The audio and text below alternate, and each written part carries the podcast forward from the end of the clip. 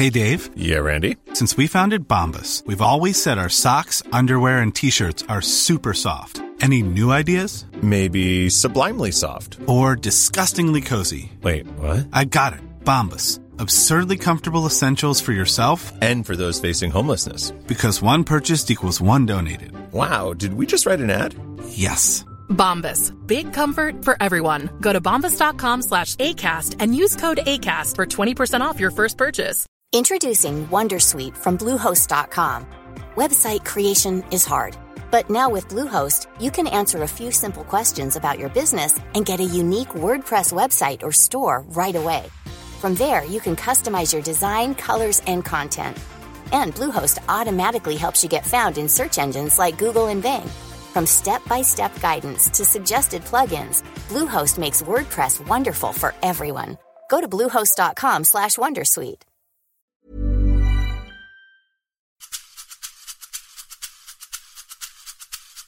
Då hade jag övat så här, du vet, hela kvällen och hela morgonen vad jag skulle säga till min chef. Och så kom jag in till honom och så sa att jag måste prata med dig. Och så satte jag mig ner och så sa att jag vill säga upp mig. Och då så sa han bara så här, jag hör vad du säger, men jag säger nej tack. Det är lätt att stanna kvar i saker för att man är rädd för att ta sig framåt. Och det är lätt att stanna kvar i helvetet istället för att ta ett steg ur.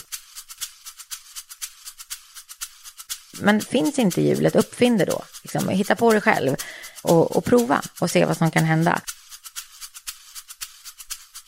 Man måste våga försöka. När jag satt där och inte visste om jag skulle överleva, då var det faktiskt det som var tydligast. De sakerna jag inte hade gjort, som jag var rädd för att göra, de smärtade mest.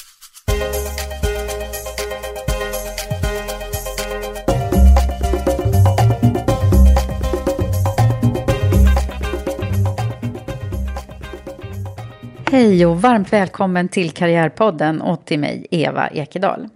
Den här veckan träffar jag Leila Söderholm. Träningsexperten och coachen som inspirerar människor till mer gladare träning och rörelse. Genom tidningar, bloggar, föreläsningar och vi är ju vana att se henne mycket i media, bland annat som träningsexpert i TV4. Hon är ett levande exempel på att rörelse får oss må och fungera bättre i vardagen. Leila har själv erfarenhet från svår sjukdom och vet vad som varit viktigt för att ta sig tillbaka. Den här gången ska vi också, precis som vanligt i Karriärpodden, få höra mer om hennes bakgrund och karriärväg. Leila startade eget företag redan som 20-åring, men har också en karriär inom byggbranschen i ryggen innan hon följde sin passion och på allvar satsade på att uteslutande arbeta med träning. Följ med och lyssna och lär känna Leila som person och låt dig inspireras du också. Men innan vi startar kan jag också berätta en stor nyhet för Karriärpodden. Vi inleder nämligen nu ett nytt samarbete med Försvarsmakten. Och det kommer bland annat att innebära några gemensamma teman i Karriärpodden framöver och det ska bli så spännande. Men nu så, nu kör vi igång.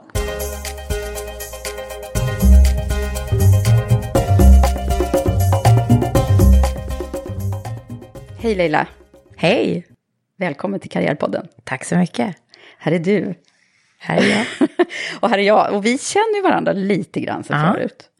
Så att, och det kommer säkert komma fram här under programmet varför vi gör det. Men, men eh, nu ska vi få lära känna Leila Söderholm som är ju allra, allra mest känd för att du är hälsoexpert och träningsexpert.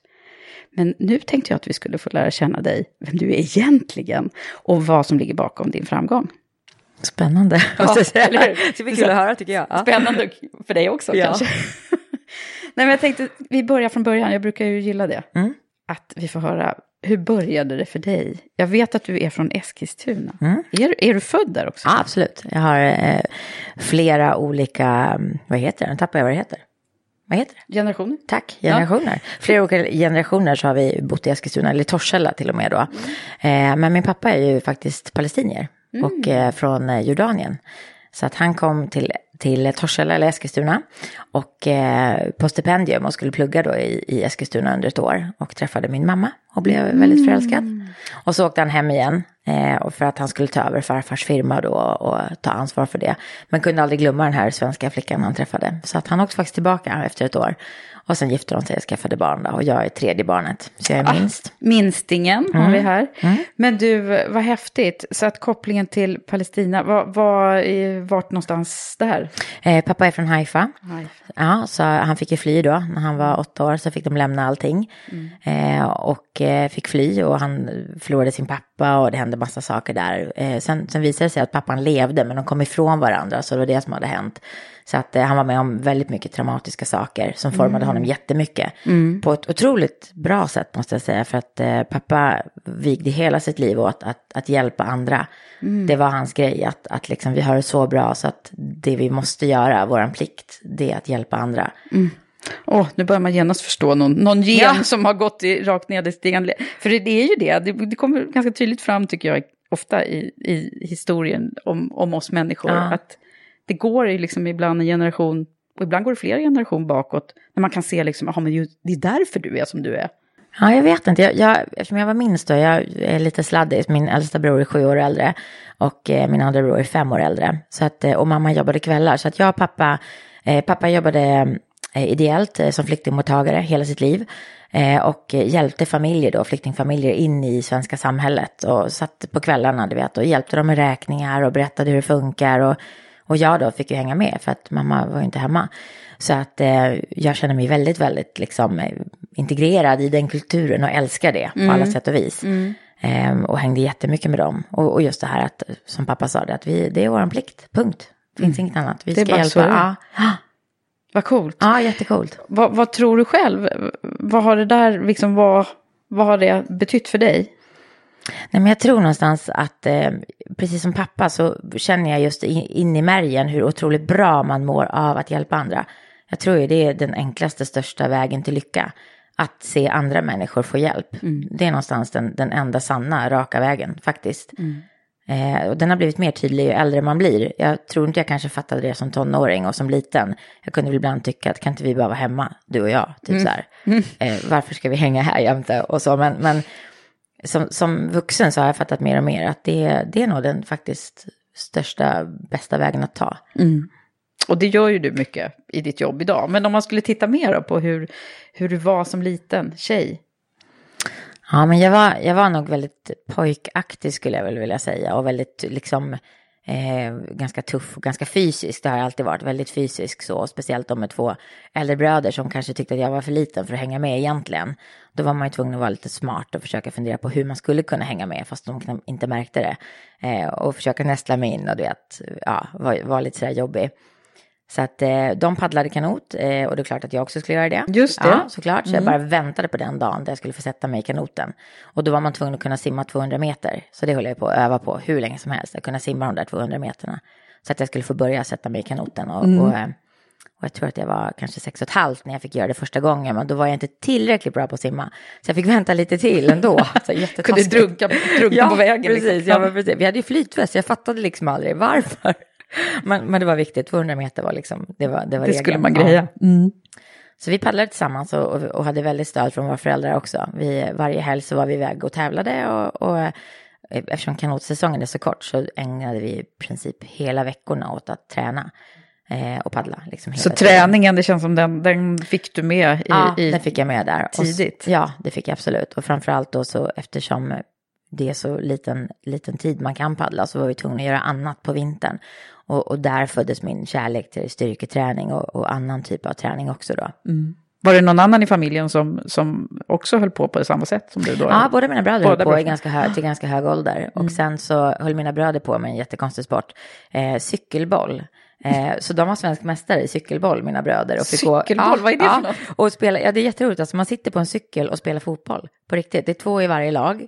Och, och sen skjuter man med framhjulet och med bakhjulet. Jaha. De är så här, värsta, talas om. värsta cykelkonstnärerna. Eh, Jätteroliga. Jag var tyvärr aldrig bra på det. Jättedålig. Eh, men de representerade Sverige i varje VM och for omkring. Liksom. Jätteroligt. Ja, vad häftigt. Ja. Men du, hur var du då i skolan och så, om man skulle se dig där? Eh, jag var väl alltså, ganska arbetsam, eh, säkert ganska pratig också. Eh, men, men jag tog nog ganska, ganska mycket ansvar för eh, just det här om det var någon som blev mobbad och sådär så vet jag att jag tog väldigt illa vid mig och kunde så här fysiskt gå emellan för att jag blev så himla upprörd. Ehm, jag kommer ihåg, speciellt i högstadiet så var det några tillfällen där jag faktiskt liksom, jag vet att jag sköt en bänk mot en kille så att han satt fast mot väggen för att han var dum mot någon annan. Och så kunde jag inte släppa den där bänken för att jag insåg att han kommer slå mig nu. Så jag var tvungen att hålla kvar honom. Så mycket sånt eh, höll jag på med. Och ehm, då hade jag en lärare, kommer jag ihåg, i nian, som när vi slutade så sa hon en grej till mig som har följt med mig hela livet faktiskt. Och det var att alla borde ha en sån som dig Leila i klassen. Och det var så himla gulligt. Och det roliga var att hon skrev till mig på Instagram bara för kanske ett halvår sedan. Läraren? Ja, och då skrev jag till henne, vet du vad du betydde? Det du sa till mig när vi slutade nian har liksom, det är sådana grejer jag har plockat fram ibland när man har varit osäker på sig själv eller liksom känt så här, duger jag eller har jag gjort rätt eller inte och så här. Eh, var så här- Vilken bra grej. alltså. Otroligt bra grej. Det var liksom en av, en av min... Och hon var en som förebild på så många olika sätt. Hon var så här superrak, väldigt tydlig, väldigt rättvis, väldigt snäll. Eh, och stor empati liksom för, för, för andra människor. Eh, så det betydde oerhört mycket att hon sa så. Ja, alltså då- det, det, vad, vad, vad intressant det där är att man tidigt får, kan få just en sån här kommentar. Som ju, det är ju trevligt om de är sådär starkt bra, men det kan ju också finnas någon som har sagt någonting som har sänkt den i Absolut. någonting. Eh, Det där, det där klassiska med att någon har sagt att ja, men, eh, matte måste du träna lite mer på eller något sånt. Ja, ja, absolut. Det är ju jättemånga som har fått höra det. Och sen så, så tror man att man är dålig, Mm. fast man inte alls är det. Ja, nej. Men här var ju en, en, en positiv förstärkelse då. en men, jättepositiv, absolut. men det är ju häftigt Ja, vad det kan ha betytt för dig då. Men vad, hur gick det till sen då när du gjorde dina karriärval? Hur gick tankegångarna? Ja, men framförallt, det var verkligen ingen, ingen riktig tankegång att jag hade något mål, att det här skulle jag bli och så här skulle det vara, utan snarare så visste jag väldigt tydligt att liksom min, min enda drivkraft var egentligen att jag visste vad jag inte ville. Det, det, det var väldigt, väldigt tydligt. Och vad Eh, var det då? Ja, det, det var väldigt, alltså vad jag inte ville var att ha ett jobb som jag gick till och skulle gå till då i 45-50 år utan att liksom känna att det fanns något sätt att liksom eh, utvecklas och avancera, liksom, ja men förstå mig rätt, eh, jag ville verkligen inte göra samma sak varje dag utan jag tycker att det är kul när man kan liksom hitta på saker, hitta nya lösningar. Så det, det visste jag väldigt tydligt. Ehm, att det skulle vara roligt och att, att jag skulle kunna använda liksom, kreativiteten på något sätt. Ehm, och sen så kom det sig så helt enkelt att det fanns inga jobb i Eskilstuna när jag gick ut gymnasiet. Jag gick treårig ekonomisk linje. Det fanns inga jobb och just då ville jag inte söka in på högskolan utan jag kände att jag, jag, jag försöker hitta något jobb istället som, och se var jag hamnar helt enkelt. Och det fanns inga jobb och då bestämde jag mig för att, att starta eget. Vilket var jättescary, helt galet egentligen jag Men tänker efter. var, hade du någon i, i familjen som var entreprenör? eller Nej, någon annan? nej, inte alls, verkligen inte. Min pappa eh, var ingenjör och jätteduktig på liksom, att hitta lösningar och var väldigt påhittig. Om det inte gick att, göra någonting så, så skapade han det och byggde själv och satt med ritningar och fixade och grejer. Så vi är vana, vi var väldigt vana jag och mina bröder att liksom, kan vi inte eller går det inte så får vi försöka jobba på att försöka uppfinna det själva.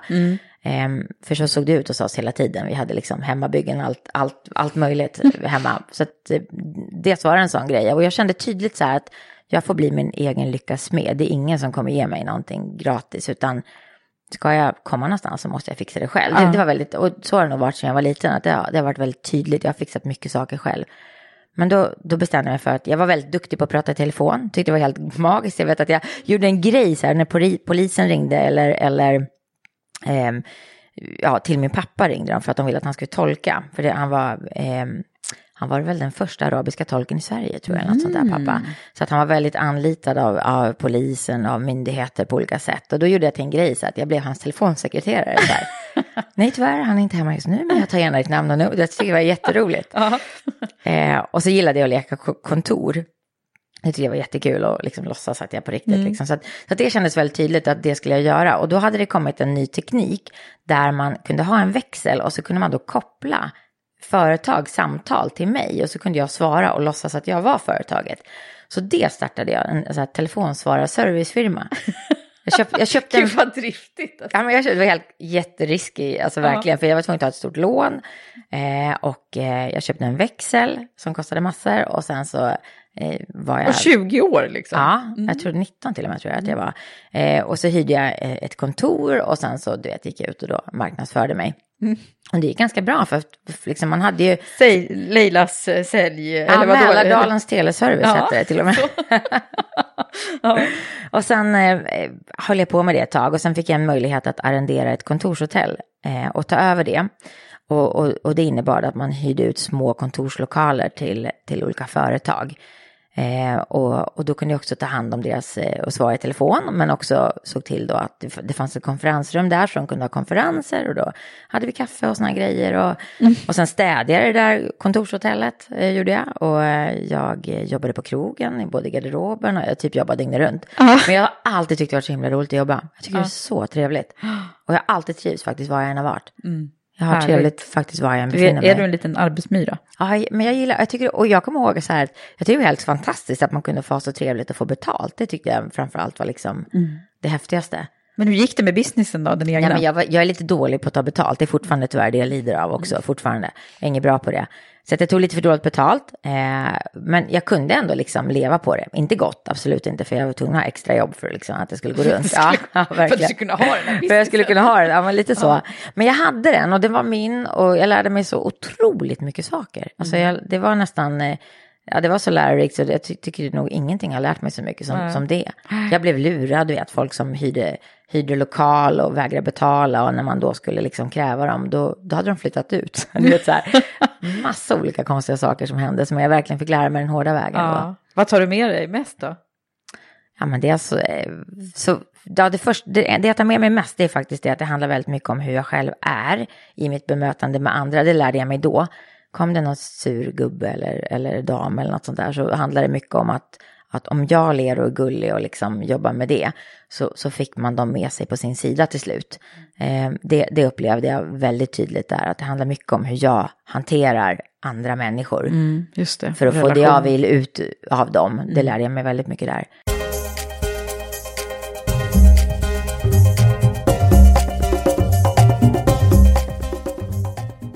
Vad, vad, hände sen då? Hur gick det? Ja, nej, men sen var det ett av företagen som hyrde lokaler där, frågade om jag kunde rycka in när deras innesäljare eh, var sjukskriven. Och då kände jag, ja, gud, ännu ett jobb, ja, ja, mm. absolut, vi kör. Mm. Eh, och det här var ett företag i byggbranschen. Eh, och då fick jag liksom helt plötsligt hoppa in i, i den här teknikens värld och upptäckte att det här är ju helt magiskt. Och så upptäckte jag då också att jag hade en fallenhet av det här. Och, och min pappa var ingenjör och min brorsa är, mm. är ingenjör och min, min andra bror också har blivit det på äldre dagar.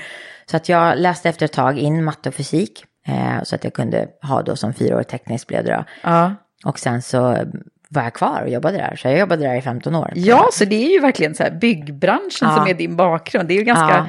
Spännande karriärsvängning ja, som du har gjort. Jag älskade det. Alltså jag måste säga, det var, det var som att komma hem. Och då så efter ett år, eh, jag anställde några tjejer då i mitt eget företag. Men sen efter något år eller ett och ett halvt kanske så sålde jag det. Eh, och fick lite vinst och liksom kände ändå mm. att det, det var mm. inte så dumt ändå. Liksom. Nej. Så det då var, hade du jag... den grejen i ryggen. Ja. Men vad gjorde du där i byggbranschen? Var det sälj? Ja, men absolut. Vi, jag jobbade hos ett företag som tillverkade ventilationsdetaljer. Eh, och då jobbade jag som innesäljare och sen blev jag utesäljare till slut. Och då, då är man ju teknisk säljare så man hjälper ju då entreprenörer mm. och, och konsulter som ritar hus och arkitekter med vad de ska välja och hjälper dem med att beräkna vad de ska ha, hur mycket luft man behöver i rummet. Och, och du måste ju varit en av en av ganska få kvinnor då. Ja, verkligen nästan själv, absolut. Ja. Eh, vilket var otroligt lärorikt också. Jag fick ganska mycket skinn på näsan och, och återigen då så lärde jag mig just det här hur, ja men om det var någon som du vet hade gått dåligt, man, de hade fått fel leverans till bygget och du vet det är sådana här tidsplaner som måste hållas annars får man vite och folk var mm. så här mm. arga och eh, då upptäckte jag att om man lägger sig på rygg eller bara så här kramar om någon som är jättearg så, så, så är de inte arga längre. det var ganska häftigt. Jag verkligen kände så här, till slut så var det nästan så att min chef skickade in mig när det var illa. Du fick ta alla kniviga ja, grejer? Nej, men för att liksom, eh, jag hade liksom inget, ja men det är väldigt hierarkiskt i, i, i byggbranschen och jag kände någonstans att jag hade liksom inte, eh, de behövde inte bevisa någonting för mig utan det var ganska enkelt att, att, att plocka ner dem på, på, på min nivå. Så det var, det var ganska bra sätt att göra det på, för jag la mig på rygg och bara, jag förstår, jag fattar, och gick mm. inte det så fick de en kram och så var det, var det bra. Mm. Det, var, okay. det var otroligt eh, enkelt egentligen när man, när man såg det så. Ja. Vad, vad, vad hände då? Tyckte du, hur, hur, gick liksom resan internt på det här företaget? Kunde du liksom göra olika saker? Ja, eller? Oh ja, verkligen. Eh, jag tror att hade jag varit kvar så hade jag nog faktiskt kanske nu i det här min högst, egna tanke. Men jag tror att jag hade varit chef där idag, Ja. definitivt. Ja. Det hade jag varit, för att jag var jätteduktig. Jag är duktig på att jobba, jag jobbar stenhårt, jag levererar, jag liksom vet vad som förväntas av mig. Om det är tydligt i och för sig, det är viktigt att det är det, men det var det i det här fallet. Eh, och, och då levererar jag. Det var ganska enkelt. Och, men det är också så roligt för att jag hade så här hela tiden tanke på så här, duger jag, funkar det här, är det verkligen liksom, gör jag rätt, gillar de mig, vill de ha mig kvar? Jag var alltid så här rädd när våran vd kom in, så här, gud, nu kanske han ska säga upp mig. Och då var det egentligen för att säga så här, alltså du är bra. Man bara, va? Menar du? Var, var det så? Du var men inte jag kunde- riktigt säker liksom? Jag var inte riktigt säker, nej men det var jag inte. Man fick inte feedback riktigt på det sättet, även fast siffrorna talar sitt tydliga språk och sådär. Så kunde jag alltid fundera på och känna så här, för det hade ju inte, mina kollegor var ju då högskoleingenjörer, många av dem och så där, så jag hade alltid det lite i fatet, liksom att jag inte riktigt hade gått samma väg som dem. Utan jag kom in underifrån lite grann och, och lärde mig eh, genom internkurser och läste in liksom det jag behövde. Men hur, hur är det med ditt självförtroende om du skulle liksom säga det idag då? Nej men idag, eh, jag tror så här, självförtroende har jag alltid haft. Jag vet att jag kan prestera. Jag vet att det jag gör är väldigt bra och att jag levererar. Det vet jag. Sen har det väl varit så här, just där, den här känslan, självkänsla-biten så här. När ska de komma på att jag är en bluff? Ja men du vet, alltså en Men klassiker den, som... den, den tänker vi allihopa. Ja, jag vet, jag vet. Och det är så roligt. Ja. Ja, men så är det verkligen. Men sen under den här perioden då så höll jag ju på med träning hela tiden eh, på fritiden. Var det fortsatt med både styrketräning och kanot? Ja, absolut. För att eh, jag, eh, i kanoten då så höll vi på att tävla. I, i, det var ju liksom det enda man gjorde, man tränade och så tävlade man på helgerna. Och då upptäckte jag när jag blev äldre att jag var inte lika snabb som jag hade varit tidigare. Eh, men däremot så, så hade jag en, en bra gåva och det var att jag kunde tjata hål i huvudet på mina klubbkamrater. Så här, låg bakom dem och bara kom igen, ta, ta den här, ta den här, du kan lite till, lite till och likaså i gymmet. Så, så min tränare sa att ska inte du bli tränare istället? Du är så grymt bra på att liksom entusiasmera folk. Och då kände jag bara ja, det absolut. Nu var det någon som sa något bra igen. Ja, ja. Så här, ja. Och då gick jag någon, det fanns ju inte så många träningar, tränarutbildningar då, jag var ju bara 16 år. Eh, men då gick jag det som fanns. Men igen, då, alltså, tänk vad det betyder. Då är det någon som bara, Ja, det här är du bra på, ska inte Ja. du göra mer? Och då bara går man igång. ja men precis. Häftigt. Ja men det var jätteroligt och det gick jag det och det, det var fantastiskt roligt att, att få liksom jobba med det. Och här föddes också mitt intresse för den här alternativa träningsvägen. Just det här att försöka bli vältränad utan att liksom ha ett gym att jobba med. Därför att vi hade väldigt dålig utrustning, vi hade nästan ingenting. Och så skulle jag då jobba med de här ungdomarna, det var ganska många ungdomar då, i liksom hela långa vintern. Och då var vi tvungna att tänka utanför ibland och liksom, vi hängde på busshållplatser och tränade, vi var i Det lekparker. var då din kreativitet kring träning föddes. fra- Liksom, vad, hur kan jag hålla dem motiverade och glada hela långa vintern? Och liksom, vad, kan, vad kan vi göra för att liksom, få det här att fortsätta? Ehm, för det handlar ju mycket om, om inspiration. Du måste inspirera folk till att hitta sin egen motivation. Ehm, och, och, och här hittade jag verkligen många vägar. Vi flyttade vedförrådet så här. Idag flyttar vi vedförrådet till höger bakom ladan och så här. Och då gjorde vi det med utfallssteg och nästa dag så liksom sprang vi och reglerade vedträd och så höll vi på på det här sättet. Liksom. Så att, Men det här gjorde du på, på liksom extra tid? Ja, det var bara ideellt. Ja, absolut. ideellt. Ja, Samtidigt som jag jobbade, Som jobbade. Ja, på det här företaget. Då. Ja. Och jag och min, min äldsta bror, vi, här, våran klubb hade inte så mycket medlemmar på slutet. Så att vi bestämde oss för att vi måste få fart i den här klubben. Kanotklubben. Så, ja, kanotklubben. Så vi gick ut eh, i skolorna eh, och bara informerade om kanot och bjöd in alla barn att komma och provpaddla. Och det kom så många barn så det var helt galet. Vi, vi stod där från jobbet två, två hela dagar han och jag. Och bara gick runt i skolorna och bara talade om vilken fantastisk sport det här är. Och liksom klubben öppnades upp på nytt. Och Nej, en helt ny ungdomssektion. Och det var helt fantastiskt. Så där såg du också att det går? Det Och- går. Och framförallt så, så tror jag någonstans att jag vet. Det, det vet jag. Det går, saker går. Bara man liksom gör dem. Det, och, och det här, vi jobbade ju jättemycket han och jag. Oj vad vi jobbade. Och så hade vi heltidsjobb liksom på, på sidan om, sidan om. båda två. Men det var helt fantastiskt. Men när tog det liksom över handen då? För det, någonstans måste det ha varit Ja. någon, någon Ja, och det, jag. det tog ganska lång tid. Jag flyttade till Stockholm sen. Jag träffade min man eh, när jag var 24. Just det, Anders, som Anders. är hockeyspelare. Han är hockeyspelare, precis. Just det, Ja, det har jag precis. koll på ser du. Du har det, jag Ja. förstår. Ja. Jag ska inte han få lite reklam han också? Han kan få lite, Anders han är hockeyspelare. Han, har, eh, han spelade i Hammarby när Hammarby gick upp i elitserien. Mm. Så så länge sedan är det han var aktiv. Och hur träffades ni då undrar man? Nej men vi träffades faktiskt, jag var med mitt företag då, bara massa killar, bara massa ingenjörer Mm. i, i Sälen och Anders var med sitt företag. Eh, och på något sätt så lyckades han ändå liksom få in. Så det fanns en tjej Det fanns där. en tjej och det var jag typ. Och henne ville han Som, ha. som satt där med 20 killar, det var också så Ja, speciellt. Och så kommer den här killen. Ja. Ja, men det tog lite tid innan, innan det blev vi faktiskt. Och sen ville ju inte jag flytta, jag älskade att vara i Eskilstuna. Jag älskade min hemstad liksom och kände att jag hade hela mitt liv där. Eh, så det tog lite tid, eh, men till slut Men du har ju inga sådana Eskilstuna... Nej, men eftersom min pappa, min pappa pratade Ah, neutralt ja, ja. så tror jag Så- faktiskt inte att jag någonsin har haft så himla mycket dialekt. Nej, Men mamma var därifrån Ja, eller? absolut, och hon har jättemycket eh, Eskilstuna-mål Ja, eller dialekt. har liksom... Nej, jag har det, alltså, den kommer fram ibland lite grann. Du kan, Jag kan- ja, lite gnälla grann. lite alltså. när jag är irriterad eller när jag ska gnälla, gnälla loss lite så här, då absolut, då kommer den fram. Ja. Eh, Ja, men. Mm. eftersom pappa har pratat neutralt så tror jag att jag har inte så mycket. Nej, just det. För att han har en ganska så här, liksom rikssvenska faktiskt pratade han. Eh, Men så blev det Stockholm då? Ja, då blev det Stockholm och då fick ju jag jobb på samma företag, alltså byggbranschen, på, Mm. men i Stockholm, på det kontoret då. Så då kunde jag egentligen fortsätta bara med det jag hade gjort, vilket var ju helt fantastiskt. Ja, ja. Eh, och då bestämde jag mig för att jag skulle gå en aerobicsutbildning för att jag tyckte aerobics var så otroligt roligt. Så då gjorde jag det. Och när jag gick den utbildningen så kände jag bara att nej men det är det här jag ska göra. Det är det här jag ska göra, 100 procent. Och sen så var jag faktiskt på, jag gick på kundalini-yoga. Det är ju en väldigt meditativ form av yoga. Där man, det fanns redan då alltså? ja, gud, absolut. Annars tycker man ju att yoga har exploderat de senaste åren. Men Ja, nej, verkligen. Det här var ju... det här är, är det tio år sedan eller vad är det här? Nej, det är ännu längre sedan. Det är 15-16 år sedan. Ja. ja, men det är för att jag är lite snabb. Jag kan, det kan gå lite snabbt i livet ibland. Så att jag kände faktiskt att jag behövde det. Just det här, lära mig att sitta still, framförallt då kanske på en plats. Och, och gå in i mig själv och jobba med andning och sånt där kände jag att det behövde jag. För du har mycket energi. Jag har väldigt mycket energi och, och Ibland det blir det för mycket. Nej, men jag tar på mig så mycket saker också. Liksom. Jag säger ja till allt och det är också en sån här jag har tränat på. Jag säger verkligen ja till allt. Har, inte längre, men jag gjorde det. Eh, och då kände jag så att jag behövde lära mig att, att sakta ner. Eh, så att eh, det var otroligt lärorikt. Jag hade en fantastisk eh, yogalärare och gick på det i många år. Och under en sån här hjärtchakra-meditation som enligt mig var helt galen. Man ska ju stå så här still i 75 minuter och, och, och andas så här. Ursäkta, men, men på riktigt. Så ska man andas. Och då skulle då det som var sant för en komma fram och då mm, bara det som var sant liksom i hjärtat. Och jag kände att de här är inte kloka, de här som har kommit på det här. Det är inte klokt. Vad är det för grej det här?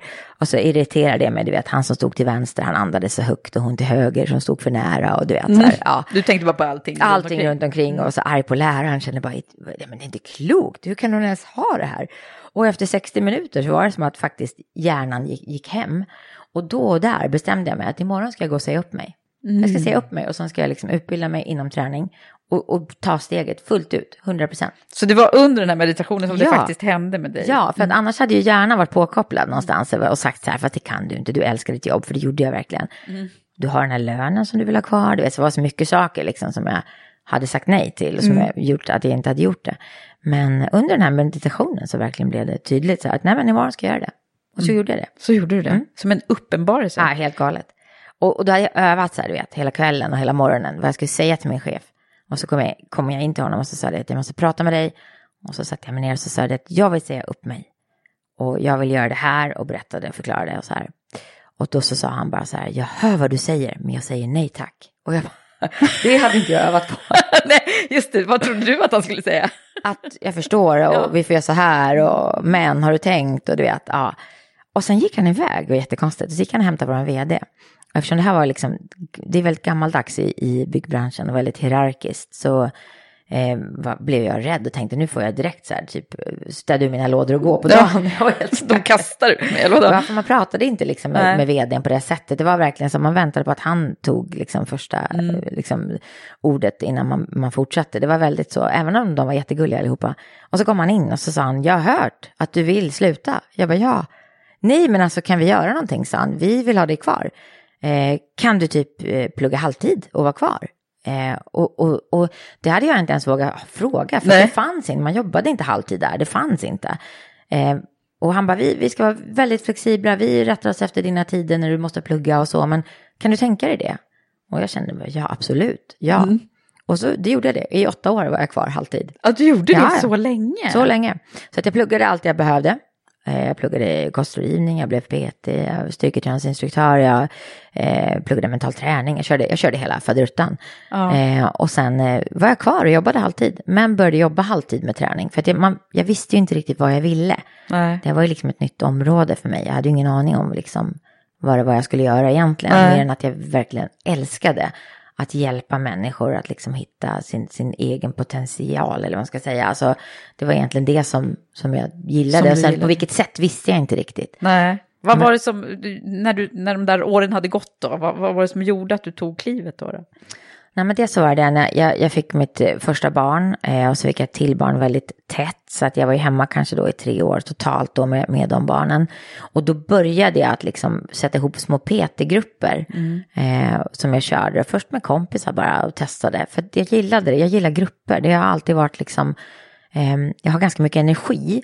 Och, och, och jag lägger lika mycket energi om jag har en person som om jag har hundra. Faktiskt, det är nästan lite samma energiboost för mig. Eh, och då kände jag så här, det är, det är trevligt med en grupps positiva påverkan. Inte bara för mig utan även för dem i gruppen. Så då satte jag ihop PT-grupper och det fanns ju inte då. Det var ju så pass tidigt, det fanns inga alls som gjorde på det här sättet. Men jag kände att jag tror någonstans att man faktiskt kan ge folk lika mycket eh, träningsglädje och, och, och lika mycket motivation och styrka och allt vad man behöver. Fast man är flera, man kan dela på en PT. Ja. Och det Eh, ger, man ger varandra Man ger energi. varandra och, och eh, som Peter, det, man kan hålla många människor liksom. Mm. Om man vet lite bakgrund om dem innan så, så, så kan man det. Så det var under föräldraledigheten Ja, som... då började som jag liksom leka med det lite grann.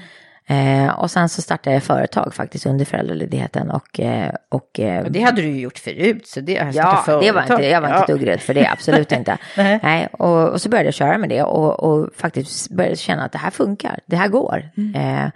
Och sen eh, fortsatte jag och utökade och det blev jättepopulärt, alltså otroligt populärt. Jag hade kö hela tiden och liksom kunde inte ta emot alla som ville komma. Eh, och, och då bestämde jag mig för faktiskt att när jag skulle gå tillbaka efter min andra föräldraledighet då till, till byggbranschen, då till mitt företag, så, så bestämde jag mig för att säga upp mig. Då, och då fick du säga upp Nej, dig. men det var inte helt, det var jätteroligt. Det var för samma visa då också liksom.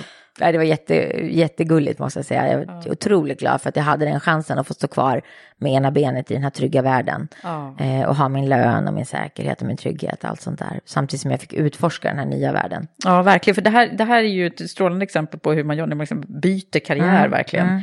Karriärspår, men då gjorde du det lite saxvis kan Ja. man säga då.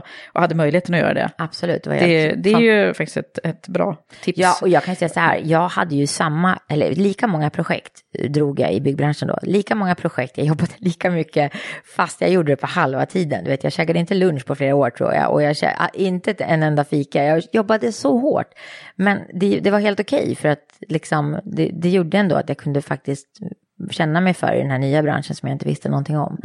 Och det var bra. Det var bra att få, att få också göra det lite successivt. För jag menar, om du bara hade slutat från en dag till en annan för Ja. att starta det här, det kanske hade sett annorlunda ut. Det hade sett annorlunda ut. Då tror jag inte, dels så tog det så himla lång tid att faktiskt kunna leva på det. Ja. Så det hade inte varit möjligt. Det, det är jag helt säker på. Jag tror man hade bränt ut sig själv. För att då på den tiden, det, det gick inte att leva på våra PT. Det var så få som gick till en PT och man tjänade jättedåligt och det var liksom inte alls eh, det jag hade tänkt mig. Nej. Men nu har ju du byggt upp en, en stor verksamhet kring, Mm. kring, det är inte bara PT-grupperna längre. Nej.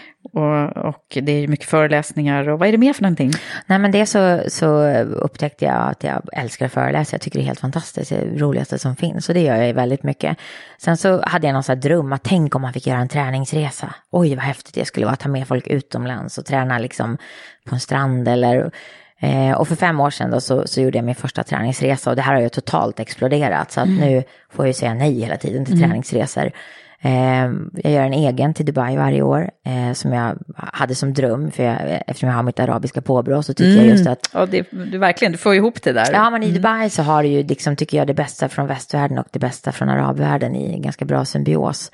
Eh, och sen har jag kusiner där som har gjort att jag har varit där mycket då. Just det. Du har och bra liksom, back-office där. Back office har jag, får hjälp när, när det kör ihop sig så kan jag bara ringa samtal så får jag Ja. hjälp.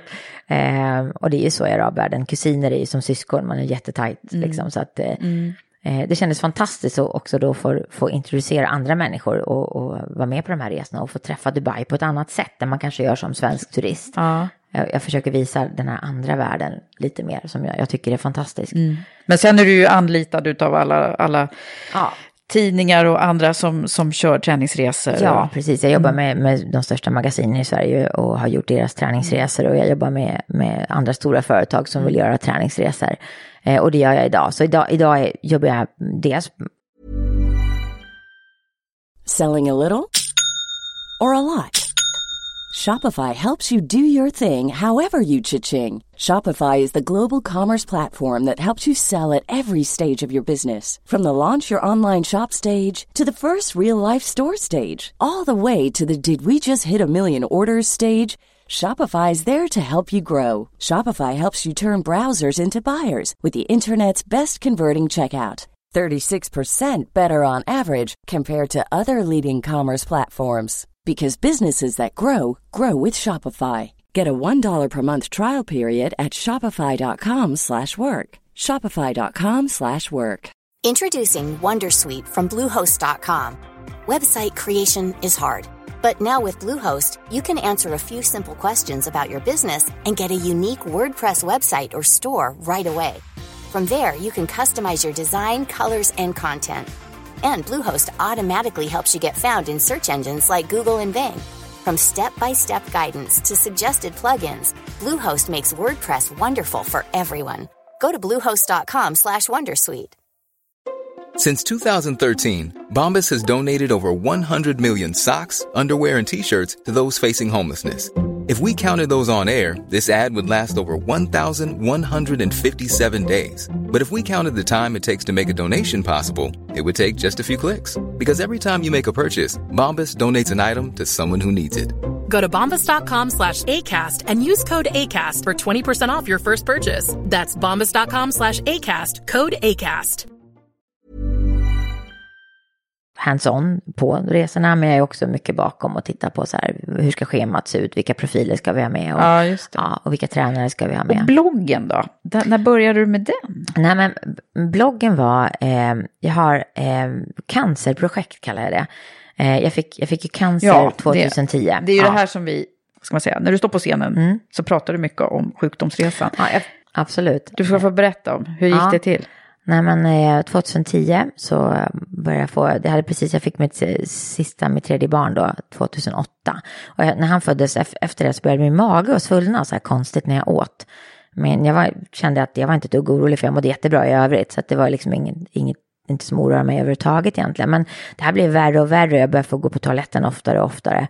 Men det är så smygande förlopp så man blir inte orolig liksom. Utan man, man, man vänjer sig. Det är det som är så konstigt. Men en dag när det kanske hade gått ett och ett halvt år. Då såg jag blod i toaletten och då gick jag till en läkare. Och då visade det sig att jag hade tarmcancer. Och så fick jag en otroligt dålig prognos. Jag fick 50% chans att överleva. Åh, det var så. Ja, för det såg ut som att det, det var spritt i hela buken. Eh, och då fick jag stomi eh, och jag opererades och eh, det visade sig då att, att eh, det de trodde var spridning var inte det. Men däremot så hittar man den här stora tumören. Eh, och jag var ju bara 38 år då när jag hade fått Lukas. Och, och, så att det, Du jag hade var, precis fått ja, jag hade precis fått honom. tredje barnet. Ja, tredje barnet precis. Eh, så att det var helt sjukt. Det var ju när livet skulle börja. Eh, som, som det faktiskt nästan tog slut. Och det var otroligt konstigt att hantera. Jättesvårt att hantera. Eh, men eh, jag fick stomi och det, och det i sig var ju en chock. Eh, att, att liksom helt plötsligt sitta där och vara... Från den här liksom Ja. tränings... Ja, från att vara ute och springa i skogen och liksom tycka att livet lekte till att att gå med gåstol och inte kunna ta sig framåt. Det var en otrolig chock såklart. Men eh, samtidigt så hade jag liksom det jag har lärt mig i träningsvärlden och just det här att, att eh, gnugga pannan emot kaklet och kämpa fast det känns som att det inte går. Det var otroligt bra att kunna använda det i en sån här situation. Och också den här, jag har en förmåga att kunna fantisera ganska mycket och se mig själv mentalt göra saker. Och, så jag, jag, min inställning var nästan att jag låtsades som att det var en film som jag tittade på. Det var inte mig det handlade om, utan jag liksom nästan så helikopterperspektiv, att jag, det var inte mig, det var någon annan och det var en film. Och det skulle snart vara över. Och det var liksom, det var, det var liksom min, min dagliga grej. Och så hade jag ett mantra, så här, att jag skulle ta mig upp, upp, upp. Det var liksom det som, som var grejen. Men också då innan jag åkte in och opererades så tror jag att det är väldigt viktigt att man har ett mål Eh, precis som varje dag i livet måste man ha någon slags mål, någon slags plan med dagen. Så hade jag ett mål att när jag ligger på sjukhuset då ska jag göra det här. Så mitt första mål det var att jag skulle göra ett träningsprogram, eh, spela in en CD-skiva med röstinstruktioner från mig och sen så plockade jag ut låtar då som där man gick in i mitten på låten och plockade den här upptempo-biten. Mm. Eh, och så gjorde jag ett träningsprogram då som heter maxförbränning. Så innan jag åkte in och opererades så tog jag alla bilder Eh, och sen låg jag sen i sjuksängen och förhandlade med skivbolag och grejer och hade mig, du är så helt galen. Eh, och det var inte så lätt som jag trodde, utan det, de ville ju inte att jag, jag tänkte så här, de säger ja, alla skivbolag, bara, ja absolut, men det var ingen, alla sa nej. Eh, och, till, och sista skivbolaget så drog jag mitt cancerkort och bara, men på riktigt, jag är typ döende i cancer, kan inte jag få göra det här? och då så fick jag faktiskt, då fick jag, det var EMI, då fick jag köpa loss eh, deras låtar Ah. och fick klippa i dem och, och göra det här. Och så kom min man och hämtade mig, körde, körde in mig till en studio där jag fick läsa in då Så trots att du var så sjuk så Ja. hade du den här liksom, Ja. Kan, du, kan du förstå var det här kommer ifrån? Nej, men jag, jag, jag har varit, nog varit duktig på att driva mig. Jag har haft en, en stark drivkraft. Och återigen, det, jag vet vad jag inte vill. Jag ville inte ligga där och bara vara sjuk. Det var en, en stor rädsla lite grann. Eh, och det blev min drivkraft återigen. Jag vet vad jag inte vill. Och sen var, att, vart jag skulle, det visste jag inte. Men att jag inte ville vara där, det visste jag liksom.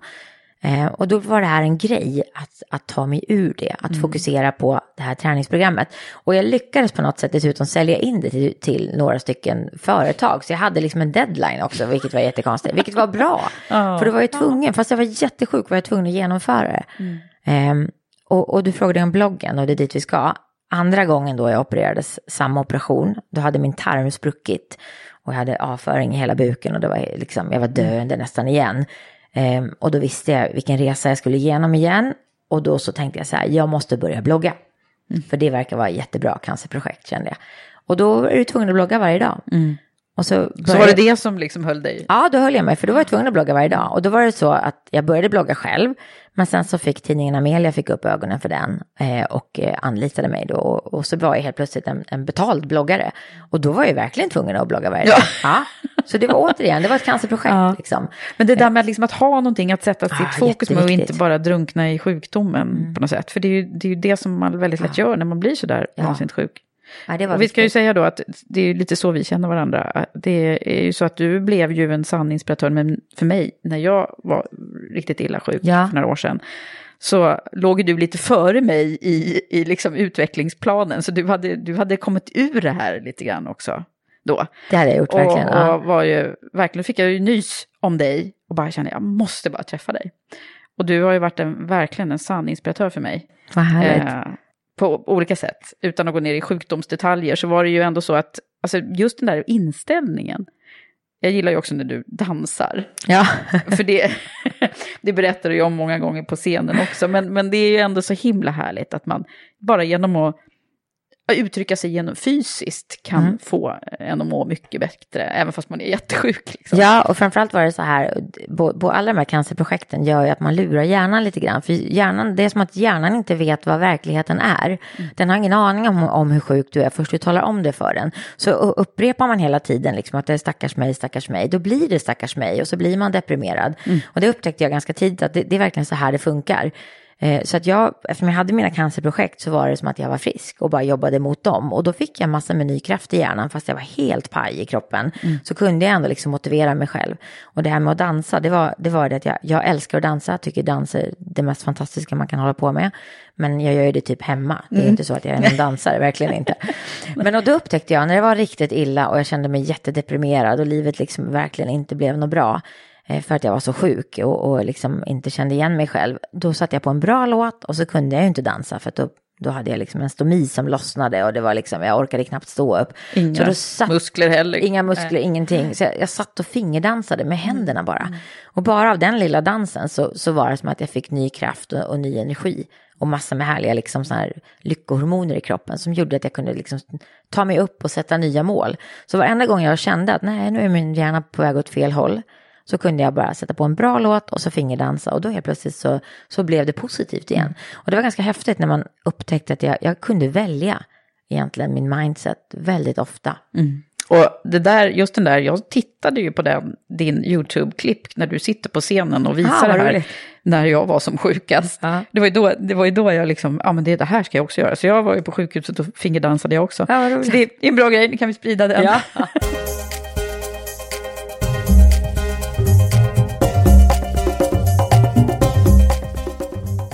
Ja, du har en annan grej som jag tyckte var så himla bra, som jag tog rygg på dig verkligen. Eh, som jag hörde din idé om eh, när man är så där illa däran eller ja, när man behöver bry sig om sig själv. Ja. Så har ju du en sån himla bra idé tycker jag, som du borde förverkliga som en affärsidé. Ja, det var så roligt. Det sa du redan Ja. då att jag borde göra. Nej, men det, det är mitt livscollage du tänker på. Ja. precis. Eh, och det här var ett collage eh, eftersom jag höll på nästan två och ett halvt år och var in och ut på sjukhus. Eh, så, så lärde jag mig att, att eh, det blir så otroligt lätt att bara identifiera sig med att vara sjuk, vilket inte är bra för någon. Eh, utan man måste liksom ha mål, som jag berättade om tidigare, och, och liksom ta sig framåt. Men det här var då ett mål, jag gjorde ett collage om, om hur mitt liv ser ut med mina barn och när jag tränar på olika sätt. Och sen hade jag med mig det här livskollaget, dels in på operation när jag skulle opereras, därför att de var ju tvungna att ta beslut om min kropp varenda gång.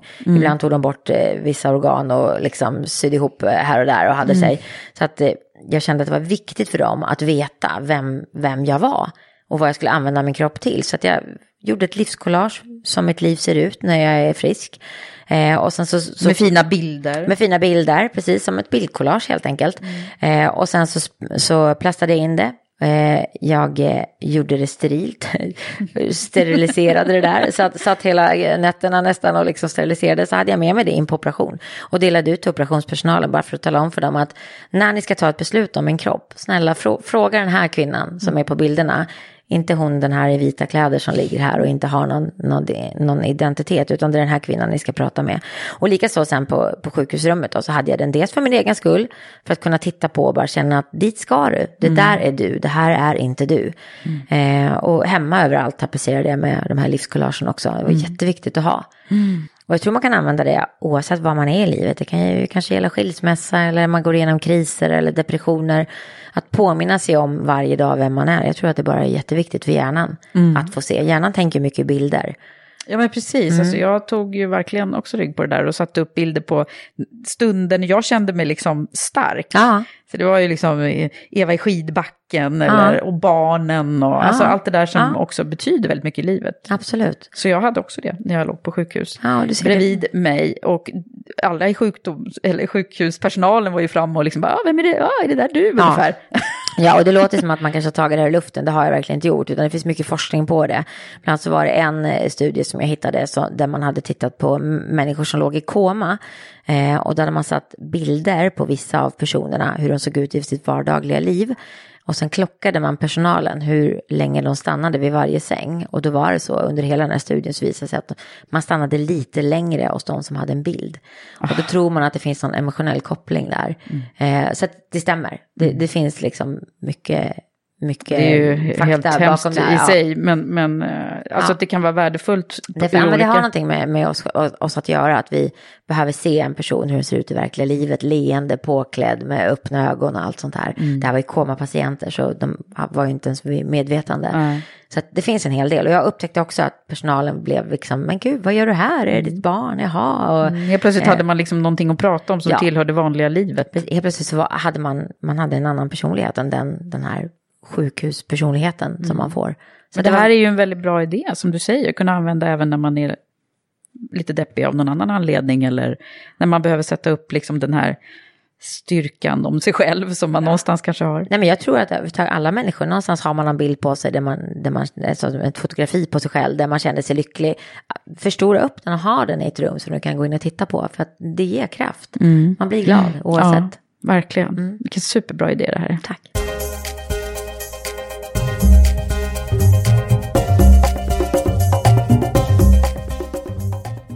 Vilken resa du har gjort verkligen. Alltså rent, eh, både det här med att byta karriär, bygga företag, varit sjuk och blivit frisk. och inspirera andra så himla mycket. Nu är det på TV4 varje måndag och du, du är liksom, du är kändis nu. Ja, det är jättekonstigt. Det är Nu är du i. Karriärpodden också, ännu mer kändis. Men förutom det då så, så är jag också, alltså vi har ju börjat förstå här lite grann hur din resa sett ut. Men om man skulle sätta fingret på vad är det som, vad är det som har gjort, vad är det som har varit dina starkaste? Vi har ju varit inne på lite drivkrafter och så. Det där med, du vet vad du inte vill, men vad är det mer tror du som har gjort att du har blivit så här framgångsrik? Nej, men dels så är jag inte rädd för att prova. Jag är verkligen inte rädd för det. Eh, jag, jag kan vara lite rädd för att misslyckas ibland, absolut. Men jag ser så här tydligt idag att alla mina misslyckanden har ju någonstans fått mig att komma dit jag har kommit. Eh, och att jag verkligen inte, jag, jag tror stenhårt på mina idéer. Jag gör verkligen det. Jag tror stenhårt på att alla kommer älska dem. Sen bara, oj vad tokigt, det gjorde de inte. Ah, ja, ja. Men den här kommer, alltså. Eh, så så det, det har varit en grej. Och jag tror också det som pappa lärde oss någonstans att, men finns inte hjulet, uppfinn det då. Liksom, hitta på det själv. Eh, och, och prova och se vad som kan hända. Eh, så, så det har väl varit en drivkraft, att jag är inte rädd för att prova, jag testar. Eh, och sen vet jag att jag, jag, jag vet vilka bra förmågor jag har, det vet jag. Så att jag tänker någonstans att jag kavlar upp ärm- ärmarna och jobbar på, så kommer det lösa sig någonstans. Det har varit en, en stark driv, drivkraft också, att jag vet att jag är bra på det. Jag kan jobba på, jag är outtröttlig liksom. Men när det har varit sådana här tuffa stunder som jag förstår att du verkligen har varit nere i, både rent fysiskt eh, under sjukdomsperioden, men man har ju, man har, oavsett det så har man ju Ja. oftast liksom downperioder i livet lite då och då. Vad är det som har plockat upp dig då? Ja, men det sa jag ett mantra och jag vet inte var det kommer ifrån, men det heter upp, upp, upp. Det är mitt mantra. Det, det är en sån här grej jag har hållit på med. Liksom. Jag vaknar på morgonen och bara upp, upp, upp, nu kör vi. Och likaså när jag var sjuk då, när jag kände så att idag orkar jag inte ens gå upp, då bara upp, upp, upp, skärp dig. Gå och borsta tänderna, gå och tvätta facet, kamma håret, ut, på med läppglanset. Eh, och, och, och det har varit en sån här supertydlig sak faktiskt. Eh, att det här upp, upp, upp. Och det har ju gällt allt. När man råkar ut för motgångar eller liksom man hamnar i konflikter eller vad det än är. Jag, jag är lite konflikträdd, så konflikter är ganska jobbigt för mig. Jag tycker det är jättejobbigt att ha konflikter.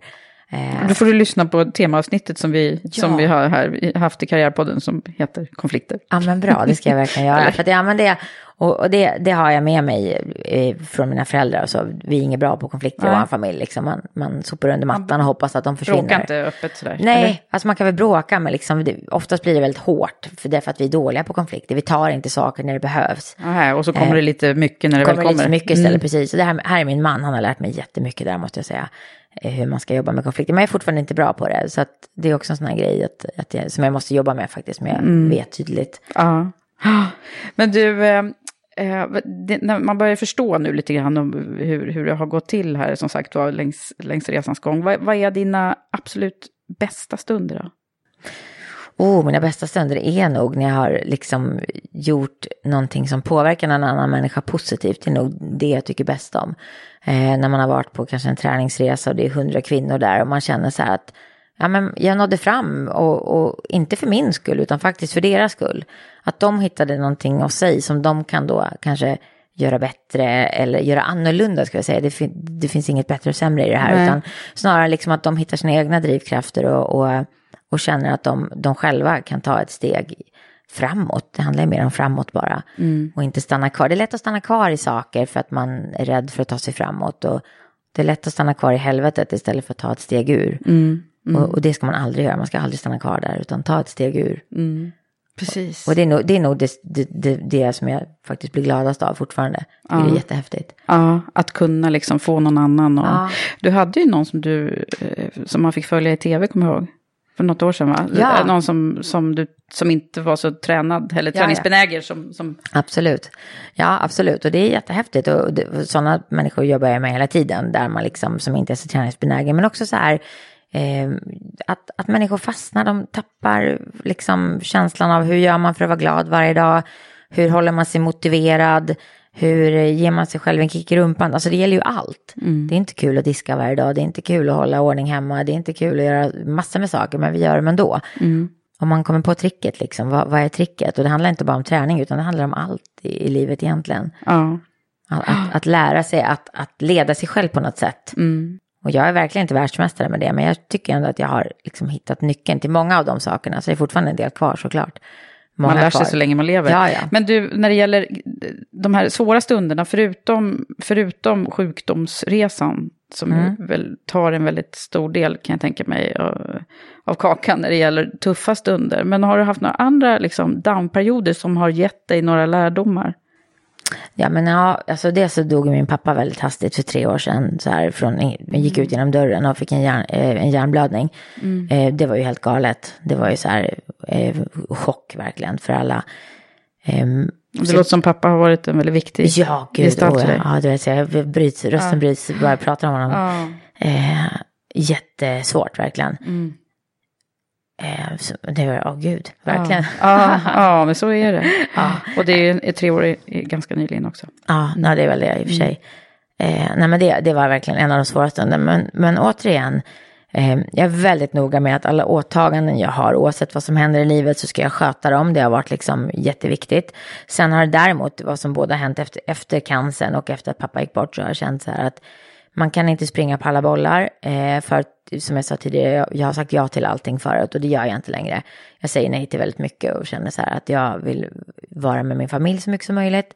Eh, Och det har jag alltid varit noga med, men ännu mer nu. Jag försöker att inte ta helgjobb om det inte är så att jag verkligen känner att det här, det här är viktigt på många olika sätt. Och att det är enkelt för mig att göra det. Men, men annars så försöker jag så, så mycket som möjligt i den mån jag kan eh, vara med min familj och finnas där för mina barn så mycket som möjligt. Och, och vara med, med min mamma. Och, och ehm, ja, men liksom vara så närvarande som möjligt. Och vara snäll mot mig själv framför allt också. Jätteviktigt. Jag trodde någonstans så här att jag skulle komma ur allt det där och sitta på en strand typ och meditera och bara aldrig mer stressa eller aldrig mer skälla på barnen eller du vet, nej. Men det gjorde man ju inte utan livet är ju som det är och så ska det ju vara. Ja. Man Jo, måste men ju- hur skulle det se ut annars? Liksom? Nej, man måste ju leva, så är det ju. Men däremot så tycker jag att jag är bättre på att sätta gränser. Så här, att jag kanske inte ska åka på någon helg och är tvungen att åka bil i åtta timmar för att sen liksom jobba med tio personer. När jag faktiskt kan välja att vara hemma den helgen istället. Och kanske göra någon annan grej där det är hundra personer istället. Alltså man får välja sina saker känner jag. Eh, vad ger mig mest och vad ger, ger mest saker liksom till andra. Mm. Mm. Och försöka göra val. Det är inte alltid så lätt verkligen, men jag försöker att göra det så mycket jag kan. Ja. Och säga nej först och hinna tänka efter också. Det har varit en sån här bra lärdom. Jag säger nej oftast faktiskt till saker. Sen kan jag komma tillbaka och säga ja i så fall. Jaha. Ja, inte alltid i och för sig. Känner Annars brukar det vara så här, säg ja, brukar vara tipsen här i Karriärpodden. Ja, men, men, på vem man är. men- jag som person det kan säger vara bra ja, som alltid har sagt ja. Ja. blir för mycket ibland. Det blir för många ja och då så är det jag själv och, och, och andra som blir lidande i så fall. Då, då. Så det har varit här stor lärdom att försöka, säg nej så att du hinner tänka efter. För att se om du verkligen vill eller inte. Det är mer så. Inte så att jag ska säga nej till allt i livet, verkligen inte. Nej, Men- nej men, eh, du känns som en ja-person. Ja, men det är jag. Jag är Ja. ju det. Så det är därför jag måste öva på att säga nej. Ja, Ja. jag förstår. Och inte vara rädd för det. Ja. Du, eh, eh, det här med, med ledarskap och, och så, det har ju, nu har ju du drivit egna bolag och, och Ja. också står ju väldigt ofta inför stora grupper, Ja. har jag tänkt på. Alltså det är ju allt ifrån hela auler till ja, de här PT-grupperna som jag också har varit Ah, en del ja, av ja, faktiskt. men jag har tränat för Leila, hon är fantastisk. Eh, jag har aldrig varit så vältränad som det året. jag måste börja igen. Nej, men eh, jag tänker på hur, hur, eh, hur om, om du skulle se på dig själv som, som ledaren Leila, Mm. vad, vad, vad är det som du utstrålar då tror du? Nej, men jag, jag tror någonstans att jag eh, försöker tänka så här, vad kan jag ge dem? Alltså jag är inte där för min skull, jag är där för deras skull. Vad kan jag ge dem? Jag tror att det har varit mitt framgångskoncept lite grann. Vad kan jag ge dem så att de får med sig det här hem eller att de känner att det här kan jag göra mitt eget liv och så att de känner sig bra. Eh, det har varit liksom en röd tråd tror jag genom hela mitt sätt att jobba med träning. Att jag, jag, och jag vill verkligen inte att folk ska känna att de är dåliga. Sen ska man ju hjälpa och rätta såklart, men jag försöker göra det i en positiv anda. Eh, och att jag också försöker liksom hitta på nya roliga vägar att göra det på. För att vi är ganska enkelspåriga, hjärnan är enkelspårig, vi behöver nya utmaningar, vi behöver nya sätt att göra saker. Annars är det rätt att, eller rätt, lätt rätt att man hamnar i samma spår och lätt att halka ur också då. Men om det är nya saker som känns roliga så är det lättare att det, att det blir av. Så det har varit liksom en sån grej att, att jag är där för deras skull och vad kan jag ge dem? Men det här att stå på scenen, Ja. eh, hur kändes det från allra första början? Ja, men jag har alltid älskat det. Det är jättekonstigt. det? Ja, jag Ja. gillar det. Jag, gillar, jag kommer ihåg att jag gillade det i skolan, när man skulle liksom stå inför klassen Mm. och prata. Jag älskade det.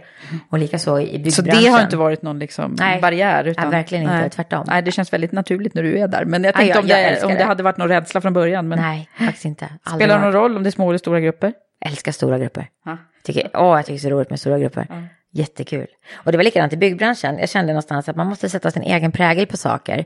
Så att eh, när jag var ute då och föreläste eh, och berättade om liksom vilka produkter vi hade och vilka system vi hade och vilka funktioner de hade. Så, så gjorde jag egna, liksom, vi fick ju så här färdiga manualer från företaget att det här ska ni säga. Och då gjorde jag egna grejer hela tiden. Jag kommer ihåg en, en grej, vi skulle eh, lansera en ny produkt och då hade vi gjort eh, i ett ventilationssystem så har man då ett don som sprutar ut luft och efter donet, eller innan donet så sitter det en ljuddämpare och så sitter det ett spjäll. Så det är tre saker och då var det så här modernt att man skulle ta bort innertaken på alla byggnader.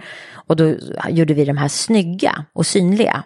Och då stod jag där och kände så här, vad då ska jag stå och berätta om liksom de här, utan jag kunde inte riktigt sätta något bra ord på det. Och då kom jag på att, men om du har köpt Gucci-skorna, då vill du ha väskan och bältet också. Fattar ni liksom? Det blev så här naturligt för mig så här, som kvinna då. Det måste ni ju fa- Och då stod jag där och berättade för alla de här alla by- då. byggentreprenörerna liksom. Alltså det fattar du, har du köpt Gucci-skorna då måste du ha väskan och skorna också. Och du vet, de skrattade så de, de visste inte vad de skulle ta vägen. Och sen ringde det folk så här, du vet, i våran växel och bara så här, ja men du vet, jag, vill, jag är intresserad av de, de där Gucci. och jätteroligt. Och det här har sig i flera år. De kommer inte ihåg ett dugg om vad jag hade pratat om, men de kommer ihåg Gucci liksom. Gucci, jag vill ha Gucci. Så redan där förstod du ju då att du har en, en, Ja. en förmåga att, att få folk att... Men jag tror så här, man måste måla om det på sitt eget sätt och inte använda det här, de här orden som kanske liksom man har använt eh, sedan urminnes tider, utan man måste hitta ett annat sätt. Och framförallt ett sätt att få folk att komma ihåg det man pratar om. Jag kommer ihåg att jag gjorde något exempel också, just det här, man tittar på, eh, vi jobbade ju med inomhusluft, det är det ventilation handlar om. Att jag gjorde ett, ett exempel att vi äter så här mycket mat per dag och vi, vi dricker så här mycket vatten och det är väldigt noga för oss att vi får i oss bra saker. Men att det är aldrig någon som tänker på luften och så gjorde jag något så här räkneexempel och, och så här jättepedagogiskt och folk bara wow. Så här, och det var också så här bra. Så Eh, exempel, ja men det har du ju väldigt mycket i, i din praktiska Ja, men jag tror träningsfilosofi det. också. Och jag tror att det är det man måste göra. Man måste koka ner det till enkla saker som folk kan komma ihåg. Man, om man säger så här, ha 90 graders vinkel, tänk att börja så här och, och, och pressa knäna snett utåt till höger. Alltså du vet, folk kommer inte ihåg det. Nej. Man måste hitta andra, andra, andra liknelser liksom. Mm. Ja, men det är nog ditt signum lite grann.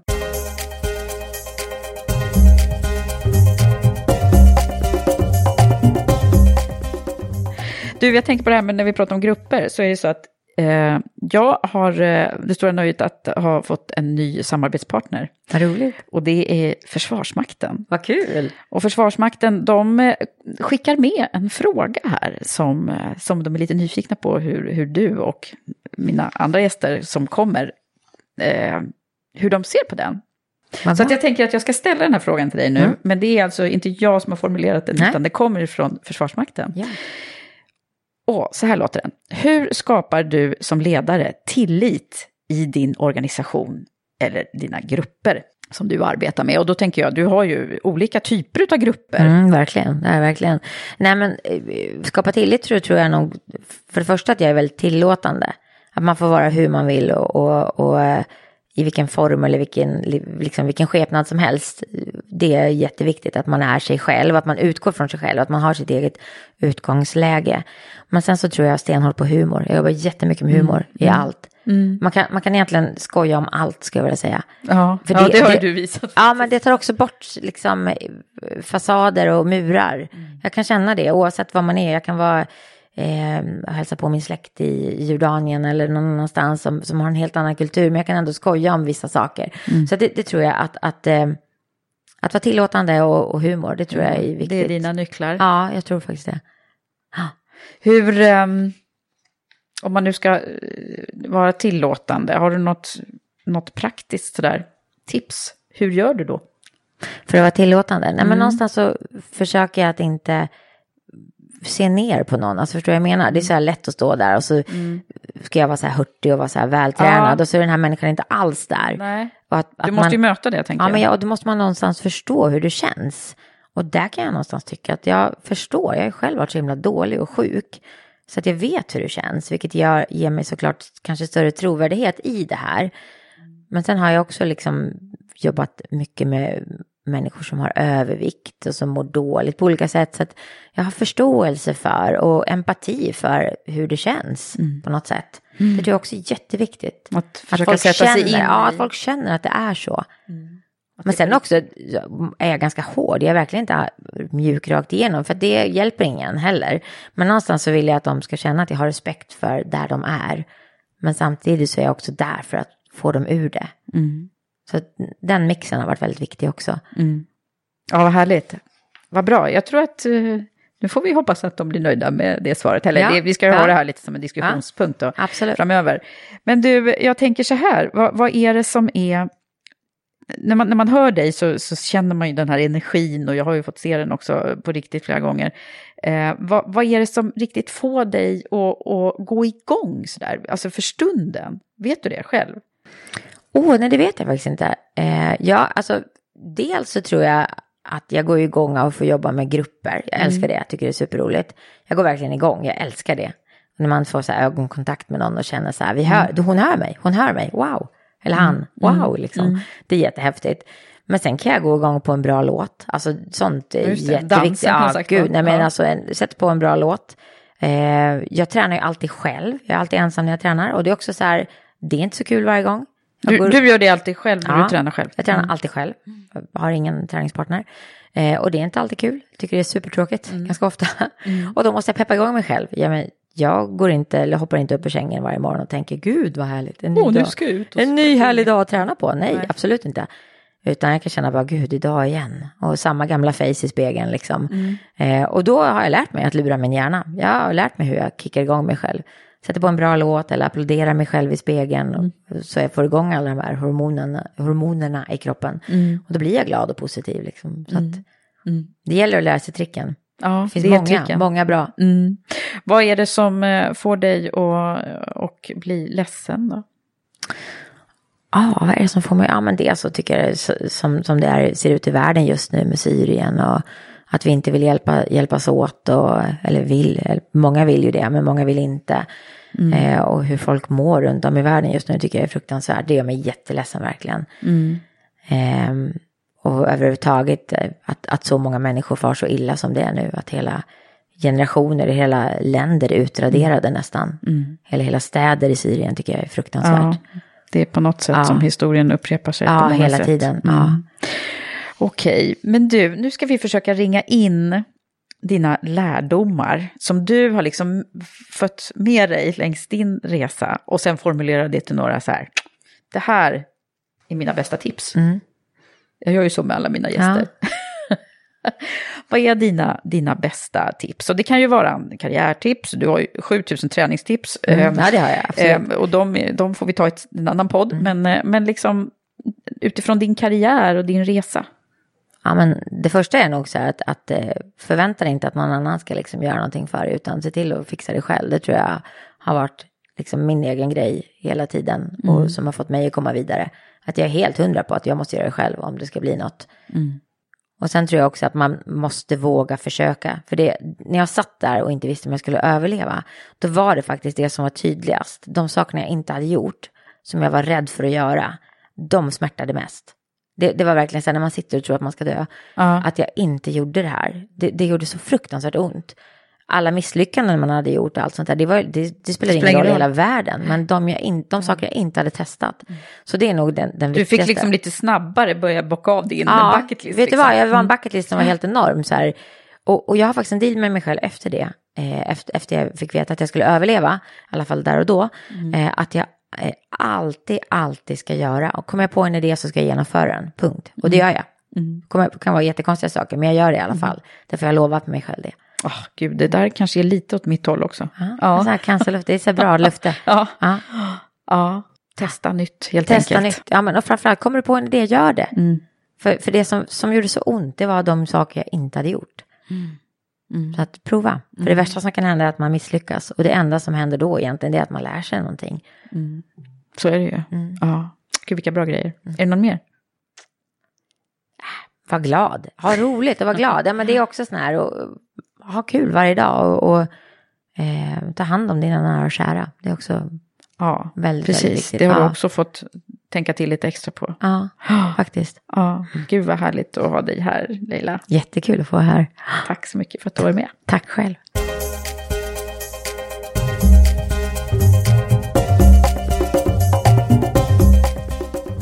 Ja, så här efter vårt samtal så kan jag verkligen skriva under på att mycket av Leilas idéer, drivkrafter och motivationsförmåga är så bra, som jag också fått tagit del av.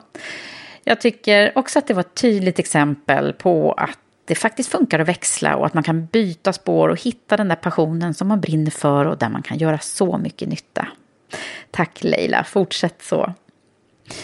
Avslutningsvis så vill jag också berätta att vi nu har lanserat och öppnat ansökan till Women for Leaders Premium Leadership Program.